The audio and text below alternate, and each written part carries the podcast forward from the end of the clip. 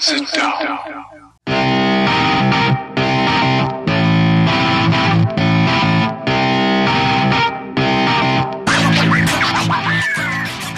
Witam wszystkich i każdego z osobna. Ja jestem Robert Kochan, a to jest Kochana NBA, najbardziej nieobiektywny podcast o najlepszej koszykarskiej lidze świata. To już 102 odcinek, a razem ze mną jak zwykle jest tutaj Wiaro. Siema Wiaro, co tam u Ciebie słychać w ten sobotni poranek? Siema Robert, cześć wszystkim. No wiesz co, no już taki sobotni, bardzo mocno jesienny poranek, sezon grzewczy w pełni. Myślę, że to jest absolutnie najwyższy czas, żeby zająć się naszymi ogródkami. Najlepszy i ostatni moment na to, żeby poprzesadzać przed zimą i zobaczyć, co z tego na wiosnę wyrośnie. Sezon grzewczy mówisz, już otworzyłeś, burżuju. to powiem ci, że, że grubo. No ale tak, masz rację. Dzisiaj e, właśnie jak co roku o tej porze zakładamy ogrodniczki, bierzemy do ręki łopaty i konewki, no i przesadzamy po pierwszych meczach sezonu zasadniczego. No i właśnie z tej okazji każdy z nas przygotował dziś listę swoich sadzonek, o których sobie porozmawiamy i zastanowimy się, co to za okazy, które mają szansę e, bujnie się rozrosnąć i dorodnie kwitnąć, na które raczej zamienią się w badyle. O tym sobie będziemy dzisiaj rozmawiać. Z tego co wiem, to ty przygotowałeś całkiem solidną tą, tą listę swoich sadzonek, więc może od razu zaczniemy i, i poproszę cię w takim razie o pierwszą twoją sadzoneczkę tego roku. No tak, yy, wiesz, już można powiedzieć, że doświadczeni z nas ogrodnicy przesadzamy już od dłuższego czasu, jeżeli chodzi o NBA. E, nie inaczej jest i w tym roku. Ja faktycznie w tym, w tym sezonie no, pokaźny tutaj mam wybór, że to tak ujmę, e, ale wiesz, no, też zależy, nie wszystkie sadzonki warte są tego, żeby je kupić. Z niektórych nic nie będzie, a niektóre są tak łatwe, że tak powiem, w utrzymaniu i tak, tak proste w hodowli, że no, no nic nadzwyczajnego z nich zazwyczaj nie wyrasta. Nie? No, te najbardziej okazałe rzeczy zazwyczaj e, są gdzieś tam trudne do osiągnięcia, niezbyt proste w utrzymaniu w ogrodzie. Mm, ale ja zacznę od czegoś takiego, można powiedzieć, dość pewnego. Myślę, że w tym sezonie bardzo pięknie się przyjmie i myślę, że w tym sezonie to jest coś, co szybko się będzie bardzo sprzedawało, więc e, zamierzam się na to załapać póki mogę, a skoro wybieram pierwszy, no to być może nawet ci z podnosa e, tą, tę sadzonkę mm, czmychnę tutaj. A mianowicie chodzi o to, że Boston Celtics na koniec sezonu będą mieli najlepszy scoring duo w lidze czyli dwóch zawodników, którzy e, razem zdobywają najwięcej punktów ze wszystkich zespołów w NBA. I myślę, że Jason Tatum i Jalen Brown właśnie takimi zawodnikami będą. Bardzo mi się podoba ten e, zmasowany atak skrzydłami, który przeprowadza Boston w tym sezonie. Bardzo mi się podoba to, jak ci goście grają, jak pewni siebie są, jak fajnie wiatr w skrzydła złapali po zeszłym sezonie, kompletnie nie zwalniają, myślę, że chcą coś udowodnić. Mm, no i chyba w końcu złapali ten balans, taki, taki dobry balans pomiędzy sobą, pomiędzy tym, kto jaką rolę dokładnie w ekipie pełni, którędy atakuje, w którym momencie. No świetnie to wygląda. Nie widziałem czegoś takiego od, od, od dawna. Nie pamiętam, czy to ostatni raz to nie był LeBron James i Dwayne Wade, jako takie duo, które, które faktycznie tak z dnia na dzień, w mecz w mecz potrafiło po 30 punktów równiutko zdobywać. No tutaj Jason Tatum i Jalen Brown na razie praktycznie co do, co do punktu 60 e, na mecz w dwóch meczach. No świetnie to wygląda, bardzo mi się podoba. Mm, kibicuję i myślę, że to nie jest jakaś tutaj wielce ryzykowna sadzonka. Myślę, że w tym, w tym sezonie będzie kwitła pięknie na, na wiosnę. No nie jest to ryzykowna sadzonka. Rzeczywiście to duo spisuje się świetnie od początku tego sezonu. W ogóle Boston Celtics grają bardzo dobrze już od samego początku. Widać, że nie na darmo są jednym z głównych kandydatów do, do zdobycia mistrzostwa. E, ja miałem sporo obaw, jeżeli chodzi o ich grę i o te zawirowania, z którymi ta drużyna gdzieś tam miała do czynienia właśnie jeszcze niedawno oraz w związku z tym, że no brakuje im Roberta Williamsa e, w zespole, ale na razie chyba nic sobie z tego nie robią i, i, i równiutko po prostu fantastycznie, świetnie grają, no a Tatum i Brown prowadzą tę drużynę. Świetnie sobie ten e, duet radzi i ja powiem Ci, że tak nawet też myślałem o jakiejś takiej sadzoneczce e, związanej z Boston Celtics. Zastanawiałem się tutaj, czy nie wskazać tej Tuma jako, jako jednego z głównych faworytów do zdobycia tytułu MVP w tym sezonie, bo no Tatum gra naprawdę fantastyczne zawody od samego początku. Zastanawiałem się też nad nowym trenerem e, Celtics i, i nad tym, czy z kolei on nie będzie tutaj jednym z kandydatów do, do zdobycia tytułu najlepszego trenera tego roku no ale ostatecznie nie, nie postawiłem na, na zakup żadnej z tych sadzonek. Natomiast no, ta twoja wydaje się jak najbardziej sensowna i tutaj raczej no, nie ma większych wątpliwości. Wydaje się, że, że no, ten sezon powinien właśnie należeć do Tatuma i Browna, no i rzeczywiście mają szansę stać się no, takim jednym z najlepszych duetów NBA w tym sezonie.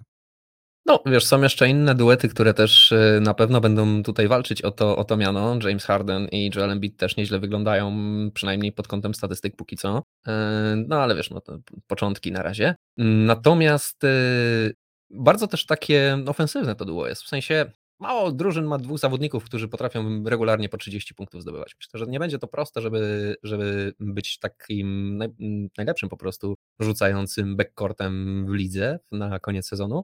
Ale no, myślę, że nie jest to jakaś gruba przesada z mojej strony. Yy, na pewno jakaś sadzoneczka to jest. Myślę, że właśnie taka w tym sezonie, taka sezonowa można powiedzieć, w przyszłym sezonie już będzie pewnie ciężko o nią, yy, ale w tym sezonie jak najbardziej to widzę. Yy, no ale cóż, zobaczmy, co tam u ciebie. No, moja sadzoneczka jest związana z osobą, którą wymieniłeś e, tutaj przed chwilą, moja pierwsza sadzonka, a mianowicie to dopiero początek sezonu, ale James Harden zostanie wybrany do All-NBA, a to z kolei może być zła wiadomość dla Philadelphia 76ers. Taka sadzoneczka o podwójnym pniu i zaraz wyjaśnię o co mi chodzi, bo nie wiem czy pamiętasz, chyba bodajże tydzień temu E, mówiłem, że nie zobaczymy już Hardena z Houston Rockets, że, że nigdy ten e, James Harden do nas nie wróci. No okazało się, że James Harden powiedział podtrzymaj mi churros i zaczął robić dokładnie e, to, co w Houston Rockets, no bo w tym sezonie, w tych dwóch meczach zagrał fantastyczne zawody, wydawałoby się. Przeciwko Celtics to było 35 punktów, 8 zbiórek, 7 asyst na fantastycznych skutecznościach, 64% z pola, 56% za 3 i 100% z rzutów wolnych, gdzie trafił 12 na 12. Przeciwko Bucks te statystyki również imponujące. 31 punktów, 8 zbiórek, 9 asyst. No ale właśnie, w obu tych meczach Philadelphia 76ers przegrali. Co ciekawe, w meczu numer dwa, tym właśnie przeciwko e, Milwaukee Bucks, Harden oddał więcej rzutów nawet od Embida. 24 rzuty Hardena versus 21 rzutów Embida. No i właśnie to jest związane z tą drugą częścią mojej sadzonki, tak? No bo z tego co widzę, to ta drużyna staje się coraz bardziej hardenocentryczna, zamiast być embidocentryczna. I 76ers powoli zaczynają troszkę przypominać to stare Houston Rockets, w których James Harden grał i to moim zdaniem nie jest dobra wiadomość dla tej drużyny. Tutaj Doug Rivers widać e, było, że chciał jakby odrobić swoją pracę i chciał sprawić, żeby James Harden już od nowego sezonu poczuł się komfortowo w tej drużynie dał mu bardzo jakby dużo swobody. Zresztą e, sam o tym mówił, że on nie zamierza tutaj ograniczać Jamesa Hardena, tylko chce mu dać właśnie e, wolność.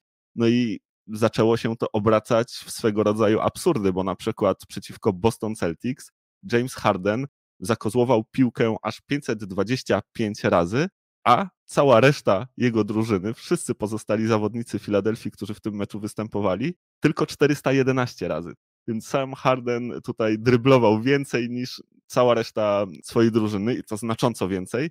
Drugim graczem e, w kolejności po Hardenie był Tyrese Maxi, który zakozłował piłkę tylko 184 razy, więc Harden prawie trzy razy więcej niż drugi pod tym względem e, najlepszy zawodnik. No i odbija się to też na całej grze Filadelfii, tak? Mimo, że oni jakby ciągle mają jakość w tej drużynie, ciągle są jakby świetnym zespołem, to troszkę nie mogą e, znaleźć tego swojego rytmu. No i w tym wszystkim też nie może się odnaleźć drugi z wymienionych przez ciebie graczy, czyli Embiid, który w dwóch meczach miał, e, jeżeli chodzi o plus minus, minus 26 punktów, mimo że 76ers przegrali te mecze łącznie tylko 11 punktami.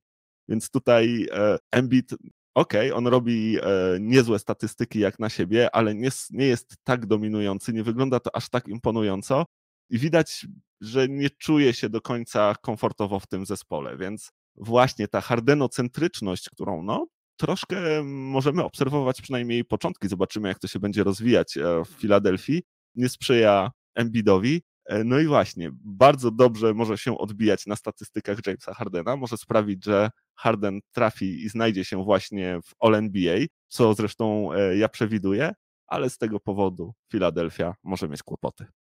No, powiem ci, że tutaj szczególnie ta druga część tego, co mówisz, e, bardzo ładnie wplata się w jedną sadzoneczkę, na którą ja też tutaj patrzę. No, bo faktycznie bardzo interesujące jest to, co się dzieje w Filadelfii w tym, w tym sezonie. E, dwa mecze w plecy, póki co, i to dwa mecze, w których Harden zagrał fantastyczne zawody, i reszta ekipy też wydawałoby się, że nie grała najgorzej. Ale jednak, słuchaj, no James Harden ma to do siebie, że on w tych kluczowych momentach nigdy nie był pewną bronią w twoich rękach, nie? w twojej drużynie.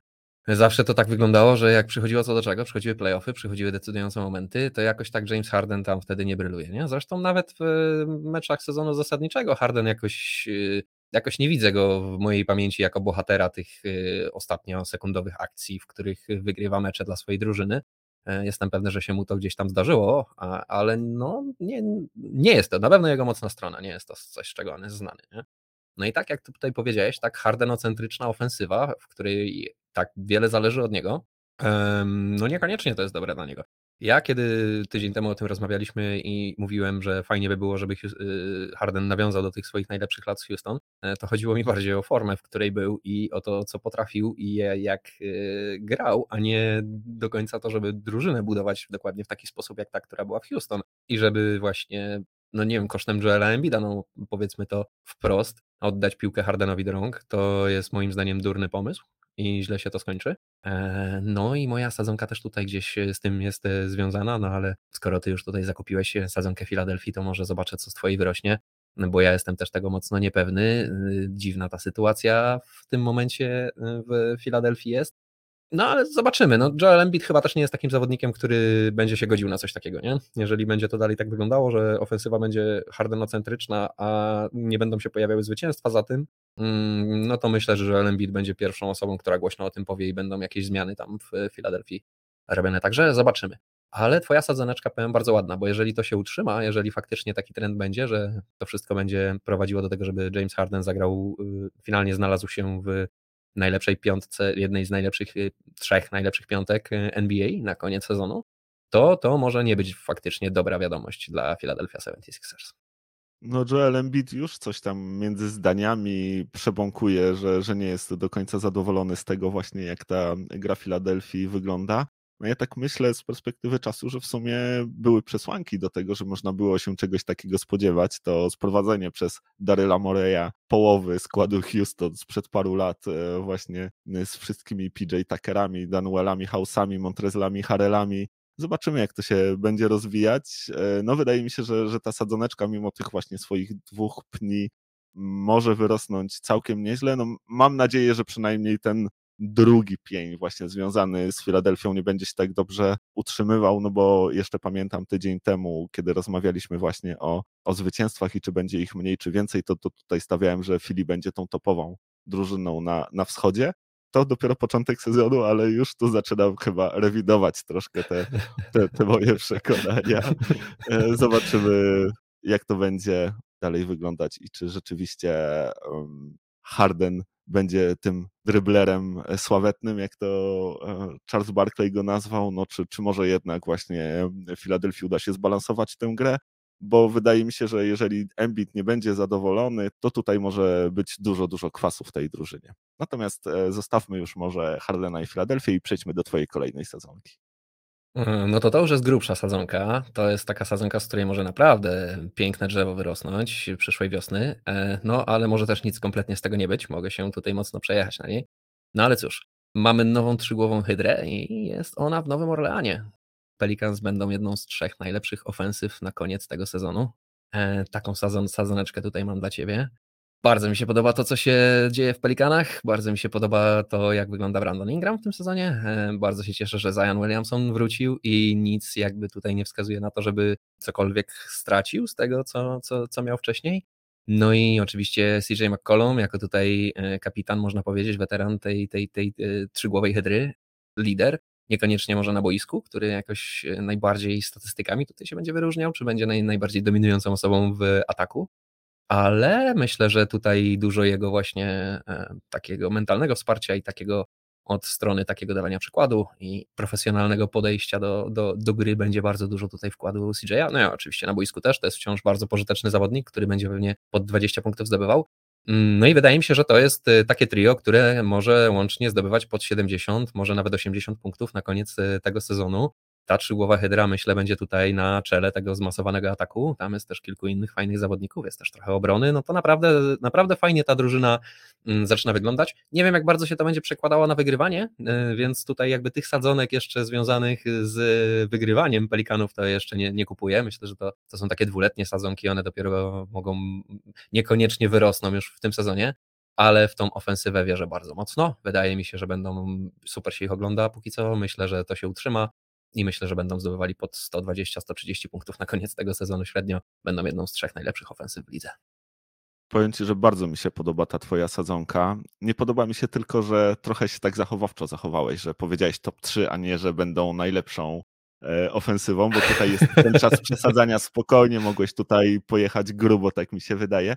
No ale rzeczywiście masz rację, oni zdecydowanie powinni być jedną z topowych ofensyw no ta ilość e, potencjału ofensywnego, jaki mają, jest po prostu niesamowita, tak? Mają w zasadzie czterech graczy w pierwszym składzie, którzy spokojnie, każdy z nich może zdobyć 30 punktów e, w danym meczu. I raz może to być CJ McCollum, raz może to być Brandon Ingram, raz właśnie Zion, a raz Valenciunas na przykład, który właśnie 30 punktów zdobył wczoraj i był najlepszym e, strzelcem swojego zespołu. Więc tutaj ten potencjał ofensywny w Nowym Orleanie jest fantastyczny i oni są takim koszmarem czapowym, jeżeli chodzi właśnie o inne drużyny, które muszą się e, z nimi mierzyć, bo tutaj naprawdę no, ciężko znaleźć kogoś, kogo można odpuścić i na przykład podwoić e, danego zawodnika, a każdy z tych zawodników, którzy tam są jeden na jeden, potrafi naprawdę zamieszać no, każdemu obrońcy, który przed nim stoi w głowie, więc Tutaj zupełnie się nie dziwię, no te strzelby e, w Nowym Orlanie są fantastyczne, to pokazują zresztą te, te pierwsze mecze tego sezonu. Ja nie jestem pewien tej defensywy, o której wspomniałeś. No wydaje mi się, że tutaj z defensywą akurat oni mogą mieć e, spore problemy, że tutaj nie ma wielu zawodników, którzy w tej defensywie będą potrafili się sprawdzić. Wydaje mi się, że cała ta defensywa będzie spoczywać na barkach Herba Jonesa, który będzie musiał tutaj jakby dwoić się i troić, żeby połatać te wszystkie e, luki na parkiecie. No ale w sumie Brandon Ingram nie jest też jakimś e, fatalnym obrońcą, więc może uda się im być tutaj przynajmniej e, w średniej ligi i e, no i rzeczywiście też tych, tych zwycięstw troszkę dołożyć, bo jeżeli chodzi o zdobywanie punktów, no to wydaje mi się, że tutaj nie będzie najmniejszych problemów i tak jak wspomniałeś, Pelicans będą tą, tą topową ofensywą NBA w tym sezonie. Wszystko na to wskazuje. Nie wiem, czy będą taką topową, topową. Jest jeszcze Memphis, jest, są jeszcze Nuggets. Zobaczymy, jak to będzie wyglądało, jeżeli chodzi o tych y, na samej górze faktycznie, kto będzie najlepszy, ale myślę, że top 3 się załapią. Wiesz, no ja bym też chciał, żeby ta sadzonka wyrosła, więc e, wziąłem taką, która moim zdaniem ma ciut większe szanse. Tak jak mówisz, bezpieczny bet z mojej strony. Mm, no ale cóż, no wiesz, mamy taki sezon, że tych sadzonek y, tak od groma, że przyjdzie i czas na takie z których pewnie nic nie wyrośnie na koniec sezonu. Pewnie tak będzie. Ja mówiąc też topową, miałem na myśli właśnie jedną z najlepszych, tak? Niekoniecznie tą, tą top of the top, ale, ale właśnie jedną z najlepszych, to tak tylko chciałem wytłumaczyć. Natomiast e, ta twoja sadzonka też e, sprawiła, że ja spróbuję moją w kolejności przesunąć e, właśnie teraz i, i porozmawiać, jakby ciągle zostać w Nowym Orleanie, bo też mam właśnie sadzonkę związaną z tym zespołem, a konkretnie właśnie z Brandonem Ingramem, bo co prawda to dopiero początek sezonu, ale e, Brandon Ingram też zostanie wybrany do All-NBA, ale mało to. Wydaje mi się, że po tym sezonie stanie się najlepszym Brandonem w historii NBA. Nie wiem, czy pamiętasz, e, jakiś czas temu e, tak, śmia śmialiśmy się z Brandona Ingrama i mówiliśmy, że nigdy z nic z niego nie będzie takiego wielkiego, tak? Czy, czy nie będzie jednym z najlepszych zawodników NBA, no bo w sumie historia pokazuje, że e, żaden Brandon do tego topu nie dotarł i, i długo się na nim nie utrzymał. Natomiast właśnie Brandon Ingram e, może być spokojnie takim najlepszym e, Brandonem w całej historii NBA. Ja powiem Ci, że totalnie zaopatruje się wszystkie wolne akcje, jakie tylko są w tym momencie na rynku. Jeżeli chodzi o Brandona Ingrama, to skupuje po prostu na potęgę, bo no fantastycznie się tego gościa ogląda w tym sezonie. Zresztą uwielbiam ten jego nowy look, tak? Te, te rozczochrane wielkie afro, ten totalnie wychillowany wzrok i, i sposób bycia. ja sobie wymyśliłem dla niego zresztą taką ksywkę w tym sezonie, dla mnie to jest taki big chillin, tak? Bo, bo koleś jest, no wygląda na totalnie wyluzowanego, wygląda jakby naprawdę no jakieś ziołolecznictwo wręcz e, stosował. Te jego e, przymknięte oczy, właśnie ta fryzura, no totalnie to kupuje, a przy tym ta, ta, ta mhm. jedwabna gra, tak, jeżeli chodzi o ofensywę, no widzisz jak gość po prostu wychodzi w górę do jump shota i jesteś niemalże pewny, że to będzie po prostu odgłos e, siateczki. Fantastycznie po prostu gra i rzuca i wydaje mi się, że e, spokojnie powinien się e, w tym All-NBA też znaleźć. Na jednym z tych miejsc dla forwardów. Zresztą zagrał dwa mecze na początku tego sezonu, w obydwu zdobył 28 punktów, do tego też dokładał naprawdę solidną liczbę asyst i, i zbiórek, więc numery i gra, wszystko za nim stoi, wszystko jest fantastyczne, no a jeżeli właśnie chodzi o to zostanie najlepszym Brandonem wszechczasów, jeżeli chodzi o NBA, no to tutaj e, wydaje mi się do dogonienia tak naprawdę jest e, Brandon Roy, bo wszystkich pozostałych Brandonów już przeskoczył, tych wszystkich Jenningsów i, i, i Bassów i, i, i tak dalej. I został tylko ten Brandon Roy nieszczęśliwy, którego karierę zatrzymała kontuzja, no bo rzeczywiście jeżeli chodzi o Brandona Roya, to ten ma nieco, nieco więcej e, występów w All-Starach, bo jeśli się nie mylę, to są trzy występy w All-Starach, dwie nominacje do All-NBA i, i tytuł Rookie of the Year. Natomiast jeżeli chodzi o te statystyki, no to właśnie Brandon Ingram już przeskakuje Brandona Roya. Ten sezon powinien być przełomowy, on właśnie powinien zostać po raz drugi All-Starem, powinien zostać e, wybrany do, do All-NBA i wydaje mi się, że właśnie jest na tej najlepszej ścieżce, żebyśmy kiedyś mogli powiedzieć, że nigdy w historii NBA nie było lepszego Brandona niż Brandon Ingram właśnie. No, powiem Ci, że bardzo ładnie tutaj wszystko podsumowałeś. Yy, pięknymi słowami, można powiedzieć, opisałeś yy, grę Brandona Ingrama. Mm, dokładnie tak to zresztą wygląda i takie, takie wrażenie człowiek ma, jak się obserwuje tego, tego gościa na parkiecie. Bardzo fajną grę ma, przypomina trochę to, co robił Tracy McGrady swego czasu. Tracy chyba jest takim w historii zawodnikiem, który był najbardziej smooth, jeżeli, ja, jeżeli o mnie chodzi, o moją pamięć tego, jak, jak w koszykówkę się gra, Tracy wszystko robił tak totalnie bezwysiłkowo i na takim właśnie totalnym ludzie. No i podobnie, podobnie to wyglądało Ingrama. Też bardzo lubię jego grę. No wiesz, jaki my mieliśmy do niego zawsze e, wątpliwości. No po pierwsze nazywa się Brandon, a po drugie, no ważył 30 kilo, jak dostał się do ligi, nie? E, z taką muskulaturą, jaką on prezentuje, no to ciężko w ogóle, żeby cię wpuścili na plażę, nie mówiąc już o tym, żeby cię wpuścili do, do, do profesjonalnej gry w cokolwiek. Nie? Mm, no ale widzisz, no 6-7 lat w lidze, yy, chodzenia na siłownię, porządnych obiadów i tego, że dbają o ciebie najlepsi dietetycy świata. Mm, no i jak widać, Brandon Ingram wygląda jak pełnoprawny koszykarz. Faktycznie przypomina teraz bardzo mocno Kevina Duranta i to, jak Durant gra w kosza. Jeszcze oczywiście jakby po drugiej stronie parkietu to tak wyglądało chociaż też się Brandon stara mm, pod tym kątem nie jest jakąś wielką czarną dziurą w obronie.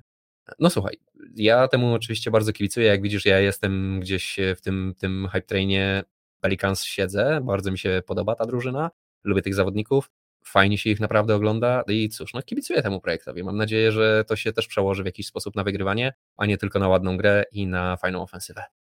No tak jak wspomniałeś, Ingram rzeczywiście zbudował tę swoją masę, ta jego frame, jak to się mówi, wygląda zdecydowanie, zdecydowanie lepiej niż e, jeszcze kilka lat temu. Ty powiedziałeś, że on przypomina Kevina Duranta. Grą, zgodzę się, posturą, czy też tym, jak, jak wygląda na parkiecie, mi przypomina teraz Antonego Davisa. Podobnie jak e, Antony Davis, Brandon Ingram też ma e, te ochraniacze takie na ramiona, tak? Może nie ochraniacze, ale te ściągacze, tak? Które, które ma na ramionach, takie wygląda jakby nosił koszulkę jeszcze pod, e, pod tą swoją jersey Pelicans.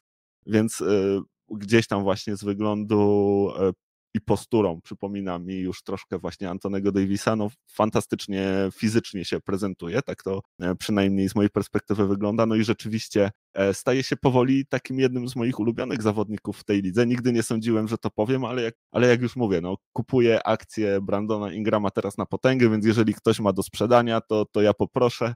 Wszystko wysyłajcie w moją stronę, bo naprawdę zaczynam wierzyć e, mocno w tego gościa i w jego talent i, i wydaje mi się, że e, zarówno w tym sezonie, jak i w przyszłych latach będziemy mogli e, oglądać fantastyczne rzeczy, jeżeli chodzi o, o jego grę, więc no już nie mogę się doczekać, no ale dobra, czas na twoją kolejną sadzonkę, Wiaro. Dobra, to ja mam tutaj taką sadzonkę wiązaną. To jest y, sadzonka potrójna. Y, jeżeli z jednej nic nie wyrośnie, to o resztę też będzie ciężko, aczkolwiek mogą się przyjąć, y, jakby nie było, niezależnie od siebie. To jest taka sadzonka związana z nagrodami corocznymi, które przyznajemy zawodnikom, a mianowicie dla MVP, dla MIP i dla ROTI, czyli Rookie of the Year, Most Improved Player i Most Valuable Player. No więc moja sadzoneczka brzmi tak, że to tylko jeden lub dwa mecze, ale Ja będzie MVP, Paolo będzie Rookie of the Year, a Bones Highland będzie Most Improved Player of the Year. No, powiem Ci tak, sadzonka wydaje się, że raczej powinna się na pewno rozwinąć, tak? Przynajmniej w wielu aspektach. E, Bones ma, nie jestem pewien, nie jest y, chyba na szczycie, jeżeli chodzi o szanse e, do tego e, Most Improved, tak? E, natomiast wiem, że jest wymieniany właśnie w gronie tych, którzy mogą po tę statuetkę sięgnąć. Ja MVP, no powiem ci, że patrząc na ten wczorajszy mecz, czy też mecz, który, który właśnie miał miejsce z piątku na sobotę, no to jak najbardziej, bo no kosmiczna ilość punktów. Ja się rozwija i znowu możemy obserwować tutaj, jak lata e, między liniami i, i między koszami. A jeżeli chodzi o Paolo Benkero, no to rzeczywiście on też jest tutaj typowany jako jeden z głównych kandydatów do, do zdobycia tego tytułu dla najlepszego ruki. O tym się już mówiło od dawna. Zresztą wydaje się, że ten gość jest taki najbardziej NBA ready, tak? Jeżeli chodzi o tych zawodników, którzy, którzy do ligi dołączyli. Do tego gra w drużynie, w której może pokazać pełnię swojego potencjału, ma siłę i potrafi chłopak latać, więc tutaj wszystkie e, twoje te, te piki brzmią bardzo legitnie i widzę jakby zdecydowanie, e, nawet nie muszę szukać tutaj wymyślonych wszechświatów, w których coś takiego mogłoby się wydarzyć, bo wydaje mi się, że spokojnie w naszym wszechświecie, w tym, w tym nowym sezonie NBA coś takiego może się stać. Więc tutaj no, te piki legitne i, i jak najbardziej ci z tej e, sadzoneczki może, może spokojnie e, wyrosnąć i to w każdym z tych związanych pniów. No tak myślę, po tych dwóch meczach wręcz jestem tego pewien, natomiast no łatwo nie będzie. Jak sam zauważyłeś, to są nagrody, które jest, jest wielu chętnych do tych nagród i to będzie taki sezon, w którym myślę jeszcze bardzo dużo dobrego zobaczymy. No, Jamoran zagrał naprawdę no, no, turbo dwa mecze. Świetnie się to oglądało i, no i fantastycznie go to wybiło na czołówkę tego wszystkiego, całego tego wyścigu. E, no ale sezon długi, tak? 82 mecze, no to jest jeszcze bardzo, bardzo daleko do tego, żeby, żeby myśleć o tych nagrodach. Mm, dlatego to, to jest, no, no dzisiaj przesadzamy po prostu, stąd, stąd takie piki. No bo jak y, wiesz, przed sezonem ja jednak wróżyłem, że Jokic tę statuetkę mm, y, zgarnie, więc jest jakby nie było y, sporo niewiadomych tutaj. No Bones Highland pokazał się z bardzo dobrej strony, ale jak dużo miejsca będzie dostawał, jak wiele minut będzie widział przez cały sezon regularnie i czy, czy faktycznie ta gra się utrzyma. No, pewność siebie tego chłopaka mnie zadziwia. Jakby nie było, to jest jego drugi sezon w lidze i gość gra no naprawdę bez żadnych tutaj kompleksów.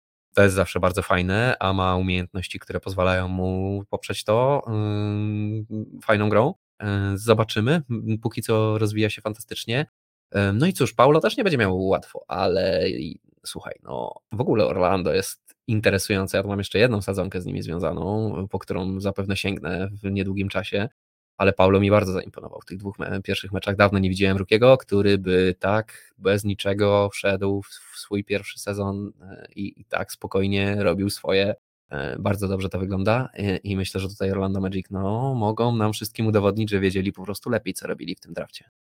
Może się tak okazać, zobaczymy. Ja tutaj też e, takim bardzo ciekawym okiem spoglądam w stronę Kigana Muraya, bo on e, też do tej pory fantastycznie pokazywał się jako ruki. Też tutaj wydaje mi się, że to będzie jeden e, z tych właśnie pierwszoroczniaków czy świeżaków w lidze, który rzuci wyzwanie właśnie Paulo Benkero. No a jeżeli chodzi o Jamoranta, to on, gdyby rzeczywiście został MVP, to byłby chyba drugim najmłodszym MVP w historii ligi, jeśli się nie mylę, bo on chyba teraz ma 23 lata, jeśli dobrze pamiętam. E, Derrick Rose w wieku bodajże 21 czy 22 lat e, otrzymał swój tytuł MVP, więc tutaj Ja dużo starszy nie jest. No i e, rzeczywiście byłby pewnie tym drugim najmłodszym MVP w historii ligi, natomiast no, ma wszelkie papiery na to, tak? No, z każdego roku po prostu pokazuje, jak, jak rozwija swoją grę, jakim jest fantastycznym zawodnikiem i jak ciężko go powstrzymać. E, i, i tutaj lata między koszami, no Memphis są, są drużyną do, do oglądania w tym roku zdecydowanie, bo fajnie się ich ogląda, ta, ta koszykówka jest e, na bardzo wysokim poziomie, a, a Ja jest totalnie elektryzujący i, i po prostu no chce, się, chce się to oglądać i nie chce się tego przegapić. E, dobrze, słuchaj, ja przejdę w takim razie do kolejnej mojej sadzonki. Jestem ciekaw, co o niej pomyślisz. Ona może nie jest jakaś taka e, specjalnie przesadzona. Zobaczymy zresztą, co, co ty o tym uważasz, ale to tylko dwa mecze, ale Lakers będą najgorszą drużyną w Pacific Division. Wydaje mi się, że totalnie mogą przegrać tę dywizję. Jak patrzę na to, jak oni grają w tym sezonie, to wydaje mi się, że będą gorsi nie tylko od Clippers, Warriors i Suns, ale będą nawet gorsi od Sacramento Kings. Po prostu totalna padaka w tej drużynie, totalna porażka, jeżeli chodzi o to, jak ta gra wygląda. Zresztą już e, po pierwszym meczu LeBron narzekał właśnie na, na grę tej drużyny i na to, że no, jak ona jest skonstruowana, tak, że dookoła niego nie ma nawet pewnie pół zawodnika, który, który potrafiłby e, rzucać. Forma, jaką prezentuje Westbrook i, i Pat Beverly, ale też wszyscy pozostali zawodnicy Lakers pozostawia bardzo dużo do życzenia. No jeżeli twój backcourt jest jeden z 18 z gry, no to naprawdę nie jest e, łatwo wygrywać mecze ok, Russell Westbrook tutaj stara się jak może, e, robi co się da, stara się walczyć w defensywie, chociaż no, nie jest jakimś specjalnym tuzem e, w tej kwestii, natomiast no właśnie, jeżeli chodzi o tę stronę ofensywną, no to jest to totalna tragedia, zresztą e, śmialiśmy się dzisiaj nawet przed, przed tym odcinkiem, jak rozmawialiśmy, że tak jak Golden State Warriors mają Splash Brothers na backcourcie, tak na backcourcie Los Angeles Lakers są Trash Brothers, jeżeli chodzi właśnie przynajmniej o ten początek tego sezonu i,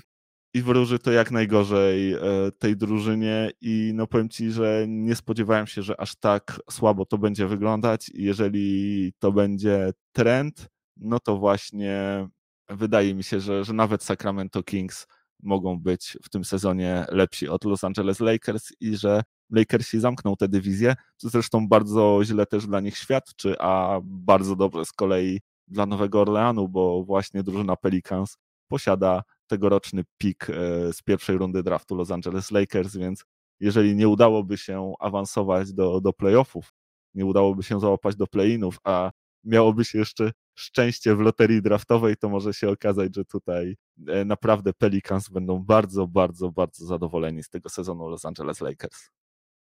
No i widzisz, to w ogóle ciekawa sytuacja, bo e, ja też kupiłem sadzonkę Lakersów, tylko że wyobraź sobie, że w ogóle w tym ogrodniczym, do którego ja poszedłem, to jest normalnie wyprzedaż po tych dwóch meczach, jeżeli chodzi o sadzonki e, Lakers. Nie? Mnóstwo ich jest, najróżniejsze, stary, jakie byś nie chciał, nie? na każdy klimat, na każdą godzinę, na każdą minutę. Nie? E, ja wziąłem jeszcze taką trudniejszą trochę w utrzymaniu niż twoja, no bo, bo moja sezonka jest właśnie związana dokładnie z tym, co powiedzieć na sam koniec, a mianowicie moim zdaniem Lakers staną do wyścigu o Wiktora Wenbanyamę, oczywiście niedobrowolnie i nie chcąc to zrobić, ale staną i myślę, że będą tutaj jednym z, z głównych kandydatów do wygrania tego wyścigu o Wiktora Wenbanyamę.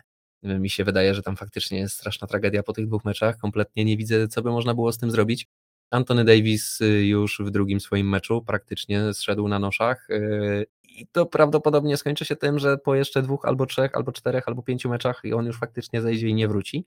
Znowu będzie miał przerwę, będziemy go obserwować w, w jakimś dresiku po prostu siedzącego na ławce Lakers kibicującego kolegom. LeBron James nie jest w stanie sam na swoich barkach taką drużynę gdziekolwiek zawieść. Oni niestety, tak jak y, już zresztą LeBron sam na to narzekał, nie są w stanie mu dać tego, co on potrzebuje. Nie ma tam laserów. E, no Trash Brothers, jakby tam dołożyć Kendricka na to nawet mają takie fantastyczne trio. Mm, mówiliśmy o tym, że w Pelicans jest nowa trzygłowa hydra, no to tu jest taka nowa trzygłowa wydra, tak? Taka niegroźna, milutka i słodka i nikt się jej nie boi, nie? Tylko dziwnie wygląda i, i w sumie to każdemu żal i nie wiadomo co z tym zrobić, nie? No i taka jest sytuacja w Lakers, więc ja kupiłem jeszcze bardziej taką e, tutaj sadzonkę niepewną, jeżeli o Lakers chodzi, trudną w utrzymaniu, ale słuchaj, no ja naprawdę myślę, że ona się przyjmie. No jest na to szansa. E, zobaczymy, jak to będzie wyglądało. Wiesz, przed Lakers mogą być różne scenariusze, bo tutaj rzeczywiście oni mogą jeszcze spróbować po, po kogoś wytradować, mogą spróbować walczyć e, o ten sezon. Nie wydaje mi się, że, że tak będzie. może się też właśnie okazać, że położą gdzieś tam na tym sezonie kreskę, że zobaczą, że nie ma co nawet inwestować e, w tę drużynę i nie będą chcieli oddać tych dwóch first round pików, które im zostały tam w 2027 i 2029 roku. Bardzo ciekawe jest to, jak e, ta drużyna będzie się rozwijać, jak to też wpłynie na LeBrona Jamesa i czy on będzie też zadowolony z tego, jak ta właśnie końcówka jego kariery wygląda, ta walka z ojcem czasem i te 30 punktów, które nawet potrafi zdobywać, a które czasami nie mają żadnego znaczenia i nie przekładają się na wygraną swojego zespołu, no bo pozostali zawodnicy nie są w stanie dostarczyć odpowiedniej jakości. Ta kontuzja Antonego Davisa, o której wspomniałeś, no to też jest kolejny rozdział tej, tej historii, którą Antony Davis y, pisze. On co prawda po tej kontuzji wrócił do gry i, i tutaj próbował dokończyć mecz. To jest coś, co było takim nowum, jeżeli chodzi przynajmniej o to, co mogliśmy do tej pory do, obserwować, jeżeli chodzi o Antonego Davisa, bo on zwykle z takich meczów schodził, już, już ich nie kończył. Przed tym sezonem wypowiadał się, że chce dać z siebie wszystko i że właśnie będzie chciał grać nawet mimo bólu, natomiast no, zobaczymy, bo ten ból może się okazać zbyt duży i, i będziemy właśnie obserwować, czy tutaj Antony Davis e, wróci na parkiet, czy znów czeka go kilka e, meczów w tych ubraniach jakby ulicznych, e, jak to się mówi, więc ja nie wróżę tutaj Lakers i, i myślę, że zarówno moja, jak i twoja sadzonka mają duże szanse, żeby się przyjąć. Dobrze, Wiaro, czy chciałbyś teraz jeszcze jakąś swoją sadzonkę tutaj nam zaprezentować? Tak, no ja mam jeszcze kilka tutaj sadzonek. E, to już z, raczej z tych um, trudniejszych w utrzymaniu, bardziej ryzykownych. E, mam tutaj na przykład już jedną taką, którą teasowałem delikatnie wcześniej, więc e, już się Wam pochwalę, co kupiłem, a mianowicie Orlando Magic załapią się do playoffów w tym, w tym sezonie. Wiem, ciężko, jakby nic na to nie wskazuje po tych dwóch meczach, jeżeli chodzi o kolumnę wygranych, ale naprawdę imponuje mi ta drużyna. Wydaje mi się, że mają, są na dobrej drodze. Może to jeszcze za wcześnie, może to jest taka sadzonka, która przyjmie się dopiero za dwa lata, ale ja mimo wszystko widzę na tym wschodzie miejsce na to, żeby oni się załapali do play-inów, a wydaje mi się, że jak się załapią do play-inów, to możemy obserwować e, ten gen wygrywania, który tutaj Paulo Banquero myślę, że, że ma i to jak, jak Ruki poprowadzi E, drużynę do, do, do playoffów, można powiedzieć, w pierwszym swoim sezonie. No, ja wiem, że to jest optymistyczny scenariusz, jest e, duża szansa, że ta sezonka się nie przyjmie, no ale słuchaj, jak przesadzać, y, no to teraz, no kiedy jak nie teraz. No, bracie, powiem ci, że musiałeś trafić na bardzo zdolnego sprzedawcę, bo widać nawinął ci makaron na uszy i, i po prostu przekonał cię do kupienia sadzonki, z której wydaje mi się nie wyrośnie nic. Wydaje mi się, że ta sadzonka, jak się jej przyjrzysz, to, to ona jest no, pokryta mszycami i, i usychająca i nie widzę rzeczywistości, w której Orlando Magic miałoby w tym sezonie do playoffów awansować. Oczywiście, tak, masz rację, kiedy nie przesadzać jak, e, jak dzisiaj. Natomiast no, wydaje mi się, że ta przesada jest naprawdę z tych grubych, bo ja tu zdecydowanie obstawiam, że Orlando będzie jedną z najgorszych drużyn i że oni nawet nie będą e, wąchać tych miejsc w okolicach e, play-inów. Wydaje mi się, że wschód jest bardzo mocny w tym sezonie i nie będzie tam łatwo wygrywać. Owszem, Orlando Magic mają przed sobą fantastyczną przyszłość, mają świetnych młodych zawodników, którzy jeżeli się rozwiną, mogą e, wprowadzić tę drużynę na tą trajektorię wznoszącą. Tutaj zarówno właśnie Benkero, jak i Franz Wagner, jak i nie wiem, e, Jalen Sachs, który co prawda miał bardzo słaby poprzedni sezon, natomiast w tym pokazuje się całkiem nieźle. Tutaj jest jakby dużo potencjału, e, jeżeli chodzi o, o, o rozwój. Zobaczymy też, co, co będzie z takimi freakowymi trochę pikami, jak na przykład Bol Bol, tak? który też do, do tego Orlando dołączył i przynajmniej w tych przedsezonowych meczach się fantastycznie pokazywał. Natomiast, no bracie, przykro mi, ale ja nie widzę świata, w którym e, Orlando Magic w tym sezonie awansują do, do playoffów, w którym awansują do play-inów i, i, i przechodzą te, te play-iny i, i wchodzą do najlepszej ósemki na wschodzie. Mm, chciałbym bardzo, dopatruję się, oglądam tę sadzonkę z każdej strony, szukam tutaj jakby jakiegoś pączku kwiatu, ale no bardzo mi przykro, brat, nie widzę niczego takiego. Słuchaj, no ja nie będę ukrywał, że e, nie była to droga sadzonka i, i no i skusiłem się, no ja też nie jestem, jakby, no ja rozumiem, że w naszym klimacie ciężko o to, e, nie będzie łatwo, no jak mówisz, e, na wschodzie ciasno, a tak jakbyś popatrzył, co Orlando prezentowało do tej pory, jaka to była drużyna w zeszłym roku i co tak naprawdę się tam zmieniło, no zmieniło się niewiele. No zmieniło się to, że do zespołu dołączył, dołączył Paulo Banquero. No i cóż, być może trochę romantycznie z mojej strony, ale no zachwycony jestem tym, tymi dwoma meczami w jego, w jego wykonaniu. Bardzo mi się podobały. E, bardzo, bardzo fajnie ten chłopak wygląda. Wydaje mi się, że może być naprawdę, naprawdę bardzo dobrym zawodnikiem i na to trochę stawiam w tym wszystkim. Tak? Stawiam na to, że ta drużyna, ten talent, który dookoła niego jest, teraz będzie miał zdecydowanie więcej miejsca, biorąc pod uwagę, że on będzie gdzieś w centrum uwagi innych drużyn. No i właśnie tacy zawodnicy jak Jalen Sachs czy, czy wspomniany przez Ciebie Wagner będą mieli zdecydowanie więcej miejsca do operowania na parkiecie i będą mogli więcej e, swoich umiejętności pokazać. No ja rozumiem, że będzie bardzo ciężko o to. Ja też e, nie jestem wielce przekonany do tej sezonki, no ale tak jak Ci wspominałem, no, no wyprzedaż jest e, bardzo duża w tym markecie ogrodniczym, w którym jestem. Sadzonek jest mnóstwo do kupienia. Takie, które myślałem, że na pewno się przyjmą, już w moim ogrodzie są przesadzone i myślę, że będzie, będę obserwował na wiosnę piękne te. Ale słuchaj, umówmy się, jeżeli by się ta sadzoneczka przyjęła, no to pomyśl, pomyśl jak mój ogród będzie wyglądał wiosną. Nie, no jak się przyjmie, no to powiem ci, że, że wow, nie? Bo, bo naprawdę sezonka jest gruba, jest, jest mocno przesadzona, więc jeżeli uda się zrobić tak, że, że rzeczywiście przyjmie się, zapuści korzenie, to, to powinna się rozwinąć coś, coś wspaniałego i rzeczywiście będzie dumą twojego ogrodu. E, dobra, słuchaj, ja przejdę w takim razie do mojej kolejnej e, sadzoneczki. Ona jest związana z pewnym młodym graczem, o którym e, mało kto słyszał, natomiast zdecydowanie warto zwrócić uwagę. A sadzonka brzmi tak, że Memphis Grizzlies mogą spać spokojnie, jeżeli chodzi o kontuzję Jarena Jacksona Jr. Nie muszą się w ogóle obawiać, bo mają Santiago Aldame.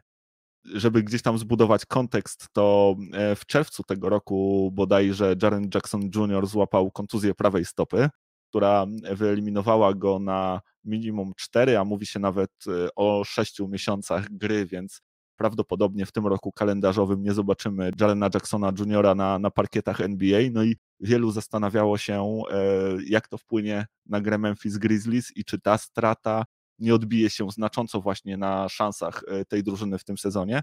Okazało się, że Memphis Grizzlies mają niesamowity talent, jeżeli chodzi o wyszukiwanie talentów. No i właśnie rok temu, w 2021 roku w drafcie z numerem 30 wybrali 20-letniego e, Hiszpana, który teraz ma 21 lat, mierzy 7 stóp wzrostu, gra na pozycji wysokiego skrzydłowego i ma niesamowity talent. Gość, jak mówię, ma, ma 7 stóp wzrostu, jest Europejczykiem, więc ma fantastyczną pracę nóg, ma bardzo dobre, bardzo wysokie basketball IQ, potrafi rzucać trójki jak szalony. Po prostu jest specjalistą od rzucania trójek. E, świetnie sobie radzi w tym aspekcie. Do tego właśnie ma 7 stóp wzrostu, więc bardzo fajnie sprawdza się w obronie, blokuje rzuty. To jest takie moje odkrycie, jeżeli chodzi o, o tych młodych zawodników, którzy właśnie zaczynają ten sezon. E, Aldama poprzedni e, grywał z ławki, nie grywał dużo, teraz właśnie w obliczu kontuzji Jarena Jacksona Jr. zaczął wychodzić w pierwszym składzie i obserwując jego grę jestem totalnie zauroczony tym gościem i wydaje mi się, że Memphis Grizzlies znalazło kolejny diament w stylu Desmonda Baina i że naprawdę polecam Ci zwrócić uwagę na tego gościa, bo wydaje mi się, że niedługo jego nazwisko może być dużo, dużo, dużo częściej wymieniane niż do tej pory. Więc jeszcze raz mówię, Santi Aldama, zwróć na niego baczną uwagę. E, no, spoko. Ja akurat powiem ci, że nie byłem zauroczony jakoś wielce. W sensie oglądałem oba mecze Memphis i nie, nie zwrócił mojej uwagi ponad jakby to, co się w Memphis dzieje. E, ale być może faktycznie jest tak, że, że jest to jakiś e, diamencik. No, Memphis y, przynajmniej z Desmondem Bainem pokazali, że potrafią takie rzeczy robić mm, i potrafią takich zawodników gdzieś znajdować, o których y, nie jest wcale głośno i nikt o tym nie mówi, a okazuje się to potem super pożyteczny zawodnik. Także słuchaj, no ciężko mi powiedzieć, y, jakby nie, nic wielce mi nie wskazuje po tych dwóch meczach na to, że to będzie jakiś taki wielce świetny zawodnik, który będzie jakąś y, tutaj siłą w drużynie Memphis. Mm, wydaje mi się, że jednak jak y, Triple J wróci, to od razu dostanie z powrotem swoje miejsce i jest to jednak zawodnik y, no, co najmniej dwie, dwie klasy lepszy. Ale słuchaj, no kto wie, no jak już wspomniałem, ja mm, nie mam więcej jakby tutaj mm, do powiedzenia na temat tego zawodnika niż tylko te dwa mecze, które widziałem. Także wierzę w Twoją sadzonkę, wierzę w Twoje przesady, zobaczymy, co z nich wyrośnie. Na pewno baczniej się mu przyjrzę w kolejnych meczach, które będę oglądał Memphis. No wiesz, na pewno jest tak, że ten gracz dopiero rozpoczyna swoją przygodę w NBA, tak? On y, zagrał swoje dwa pierwsze mecze od pierwszej minuty, więc na pewno tutaj będą takie spotkania, gdzie będziemy widzieć e, ten struggle, tak? Jeżeli chodzi o o jakby wejście do, do NBA i tutaj w niektórych meczapach może sobie rzeczywiście radzić lepiej albo gorzej, natomiast ten potencjał, który w nim tkwi, no jest moim zdaniem bardzo, bardzo duży. Jeżeli ten gracz się właśnie będzie dobrze rozwijał, a w Memphis jest do tego idealne środowisko, to naprawdę może pokazywać fajne rzeczy.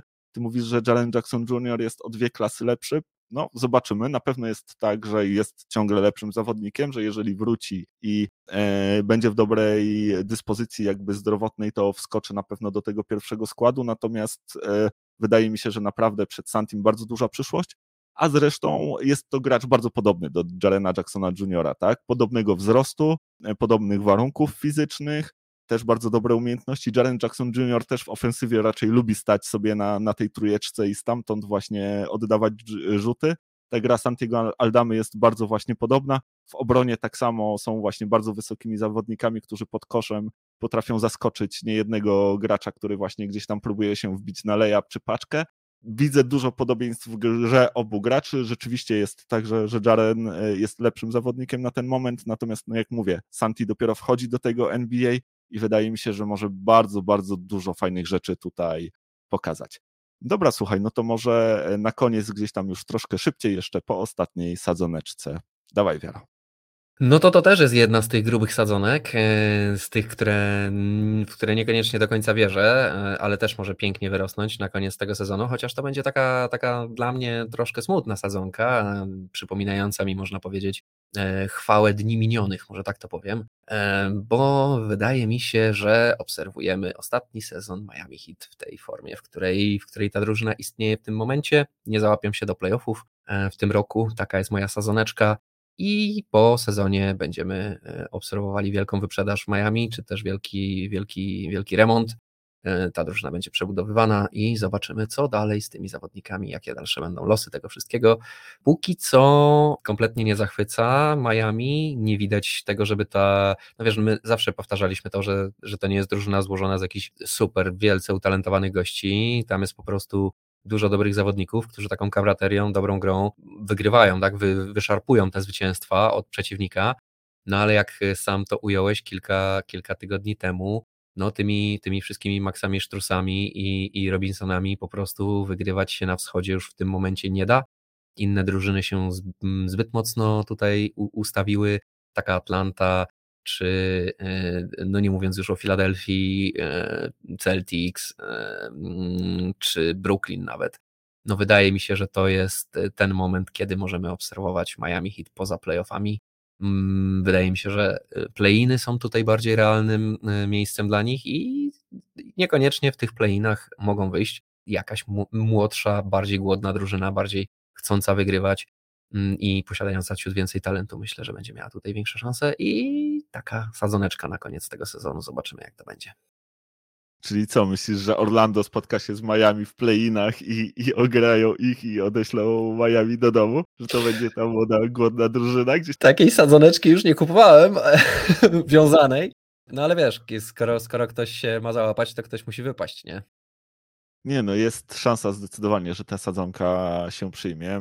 Miami słabo gra w tym sezonie. Ja rzeczywiście, tak jak już wspomniałeś, w tamtym tygodniu prognozowałem, że tych zwycięstw będą mieli mniej niż to E, przewiduje Vegas niż ten marker, który dla nich ustawili, bo rzeczywiście wydaje mi się, że ta drużyna może mieć problemy w tym sezonie, że tak jak już wspomniałem, ten starzejący się Kyle Lowry, ci gracze, którzy, no oni w Miami zwykle pokazują się nieźle, natomiast no tej jakości nie mają aż tak dużo i wydaje mi się, że gdyby z tego Miami ich wynieść i przełożyć do innego zespołu, to taki Max Strus e, nie miałby aż tak e, wiele minut w rotacji innych zespołów NBA wiesz, zobaczymy, bo to zawsze jest jednak Miami, tak? Oni mają jednego z najlepszych trenerów w całej lidze, mają ciągle Jimmy'ego Butlera, mają ciągle Bama Adebayo, ten Tyler Hero też w każdej chwili może eksplodować, więc ty z kolei tydzień temu mówiłeś, że nie obstawiasz przeciwko Miami, widzę, że tutaj też szybko wiatr w drugą stronę zawiał, jak zobaczyłeś te pierwsze dwa mecze sezonu zasadniczego? Słuchaj, przesadzamy dziś. Nie, ale ja, ja rozumiem też tą przesadę, bo gra Miami nie wygląda dobrze w tym sezonie i, i tutaj ciężko znaleźć jakieś takie rzeczywiście pozytywy, y, które mogą sprawić, że, że ona się odmieni, a wschód jest bardzo mocny w tym sezonie i e, w tej szóstce nie będzie łatwo się załapać. Tam będzie sporo drużyn, które, które będą wygrywały dużo meczów, więc może się okazać, że rzeczywiście hit do tych play-inów e, trafią, no a w play-inach no to często jest loteria, tak? To, to czasami jest jeden mecz, czasami dwa, to już zależy na którym miejscu wylądujesz, ale no tak jak na przykład Clippers w tamtym sezonie, oni myśleli, że z tych play-inów raczej spokojnie się uda wyjść, a tu najpierw e, jedno lańsko od Pelicans, potem drugie lańsko od, od Minnesoty i, i, i papa, więc e, ten sam los spokojnie może spotkać Miami w tym sezonie, nie zdziwiłbym się, więc taka no solidna sadzonka, która e, ma szansę ci się rozwinąć. Dobrze, słuchaj, dziękuję Ci bardzo za, za ten wspólnie spędzony czas. Dziękujemy Wam bardzo, że byliście z nami.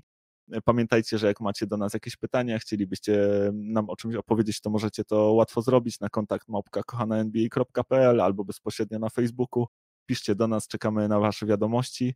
No i co? I mamy nadzieję, że słyszymy się już za tydzień na 103 odcinku naszego podcastu.